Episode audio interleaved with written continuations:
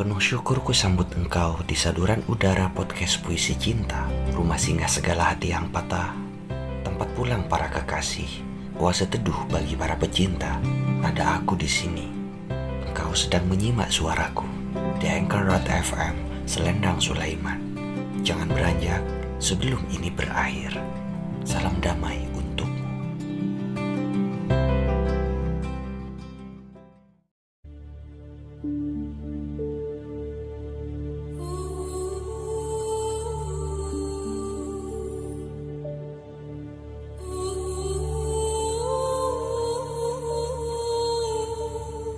Sufi sejati. Apa yang membuat orang jadi sufi? Hati yang bersih. Bukan baju yang kumal dan nafsu yang liar. Mereka yang terikat pada dunia telah memakai namanya namun segala ampas dapat ia saring sari murninya. Sufi sejati mudah dalam kesulitan, riang dalam bencana, hantu-hantu pelindung yang menjaga gapura istana keindahan, dan mengurung tempat yang tentram itu dengan pentungan menakutkan akan memberi jalan kepadanya, dan tanpa kenal takut, ia pun lewat. Seraya memperlihatkan panah sang raja masuk ke dalam.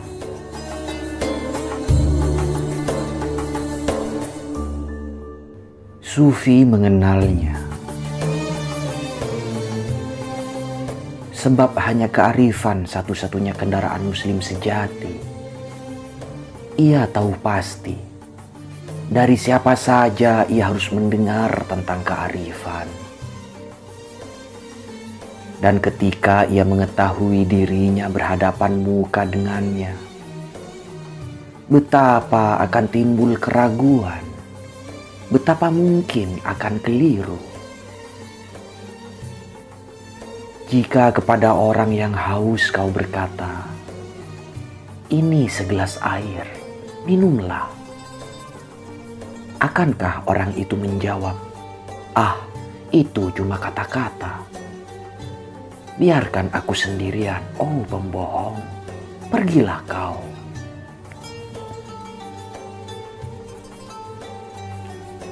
Atau katakanlah ada seorang ibu berteriak kepada bayinya, "Dengar anakku, aku ini ibumu." Adakah si bayi akan berkata, "Tunjukkan dulu buktinya, supaya aku nikmat menetek susumu"? Jika hati seseorang telah memiliki penglihatan batin, wajah dan suara Rasulullah benar-benar mukjizat baginya. Jika Nabi berseru dari luar hatinya, jiwa orang akan luluh memuji di dalam batinnya. Sebab tak pernah di dunia ini telinga jiwa akan mendengar seruan yang sama seperti seruan Nabi. Seruan yang amat mempesona itu terdengar oleh jiwa yang terbuang. Ia adalah seruan Tuhan. Lihat, aku.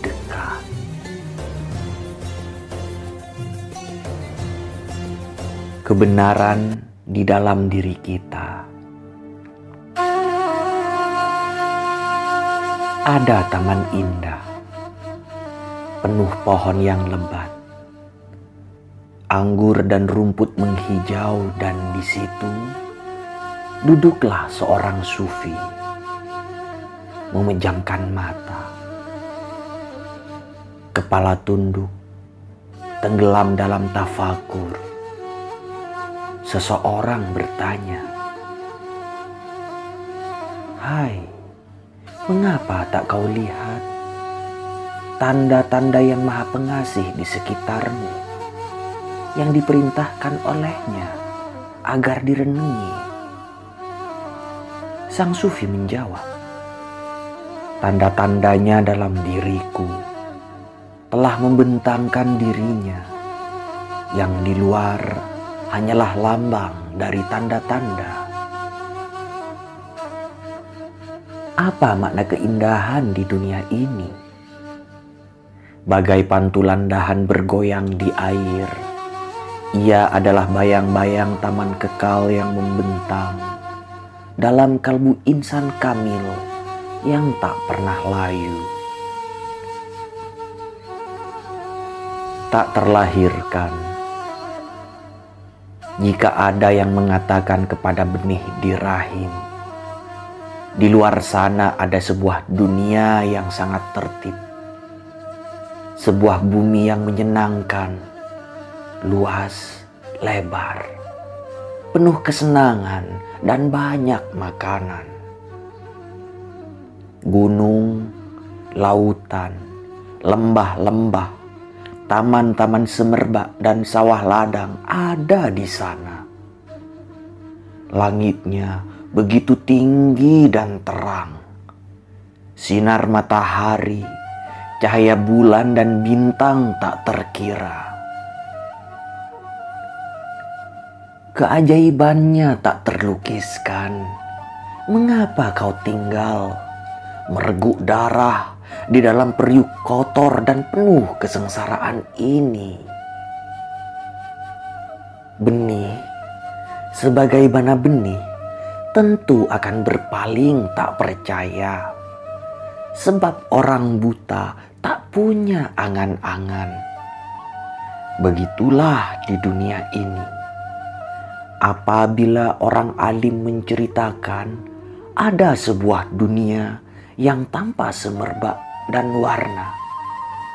Tak seorang di antara sekalian orang bodoh mau mendengar. Nafsu angkara adalah rintangan paling kukuh dan kuat. Begitupun dengan hasrat benih akan darah yang telah mengasuhnya di tempat hina, telah mencegahnya melihat dunia, sehingga sejak itu makanannya tak ada selain darah. Kematian Muhammad pangeran umat manusia, betul-betul mengatakan bahwa tak seorang pun yang meninggalkan dunia ini merasa sedih dan menyesal karena telah mati. Namun begitu, ia sangat menyesal telah kehilangan kesempatan. Seraya berkata pada dirinya, Mengapa tak kujadikan mati sebagai tujuanku? Mati sebagai kedai, segala keberuntungan dan kekayaan. Dan mengapa tak kukendalikan hidupku yang tertipu oleh bayang-bayang yang mudah lenyap dalam sekejap? Sedih memikirkan mati tak ada hubungannya dengan ajal Hal itu disebabkan lantaran mereka berada dalam bentuk-bentuk keberadaan yang menggejala dan tak pernah merasa bahwa semua buih ini beriak dan hidup karena sang lautan. Jika lautan telah melempar buih ke pantai, datangilah kubur dan lihat mereka tanyakan pada mereka, "Di mana arus gelombangmu sekarang?" Dan dengar jawab bisu mereka, "Tanyakan pada lautan, jangan kepada kami." Bagaimana buih dapat melayang tanpa ombak? Bagaimana debu bisa bangkit ke pusarannya tanpa angin? Ketika kau saksikan debu melayang, kau saksikan pula angin Ketika kau saksikan buih, kau saksikan pula lautan tenaga penciptaan. Mari saksikan. Penglihatan batinlah satu-satunya yang paling berguna dalam dirimu. Selebihnya adalah keping-keping gemuk dan daging, tulang serta otot. Lemburkan seluruh tubuhmu ke dalam penglihatan batin Jadilah penglihatan, jadilah penglihatan. Seseorang melihat kearifan, tak lain sebagai sebuah kebun atau dua buah jalan. Yang lain menyelidiki hidup yang sesat dan alam kerohanian dan menyaksikan wajah raja mereka.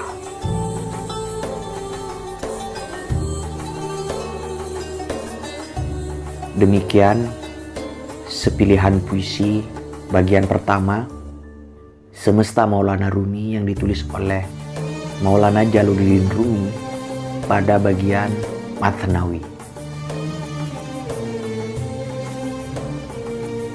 Jalaluddin Rumi bernama lengkap Jalaluddin Rumi Muhammad bin Hasim bin Khattabi Al-Bakri lahir di Balkan, sekarang Afghanistan pada 6 Rabiul Awal 604 Hijriah atau 30 September 1207 Masehi. Ayahnya bernama Bahauddin Walad. Masih keturunan Abu Bakar radhiyallahu anhu. Rumi mengembangkan torikot Maulawiyah atau Jalaliyah. Di barat torikot ini dikenal dengan nama The Whirling Dervishes, para darwishi yang berputar-putar. Tarekat ini berpusat di Turki dan berkembang luas di daerah sekitarnya. Rumi meninggal pada 17 Desember 1273 di Konya. Masa kepenyairan Rumi hanya sekitar 27 tahun. Arbery menghitung bahwa Rumi menulis sajak yang jumlah baitnya tidak kurang dari 34.662 bait. Sajak-sajaknya itu terkumpul dalam Masnawi yang terdiri dari enam jilid, diwan-diwan atau sajak-sajak pujaannya terkumpul dalam diwan-diwan Syamsi Tabriz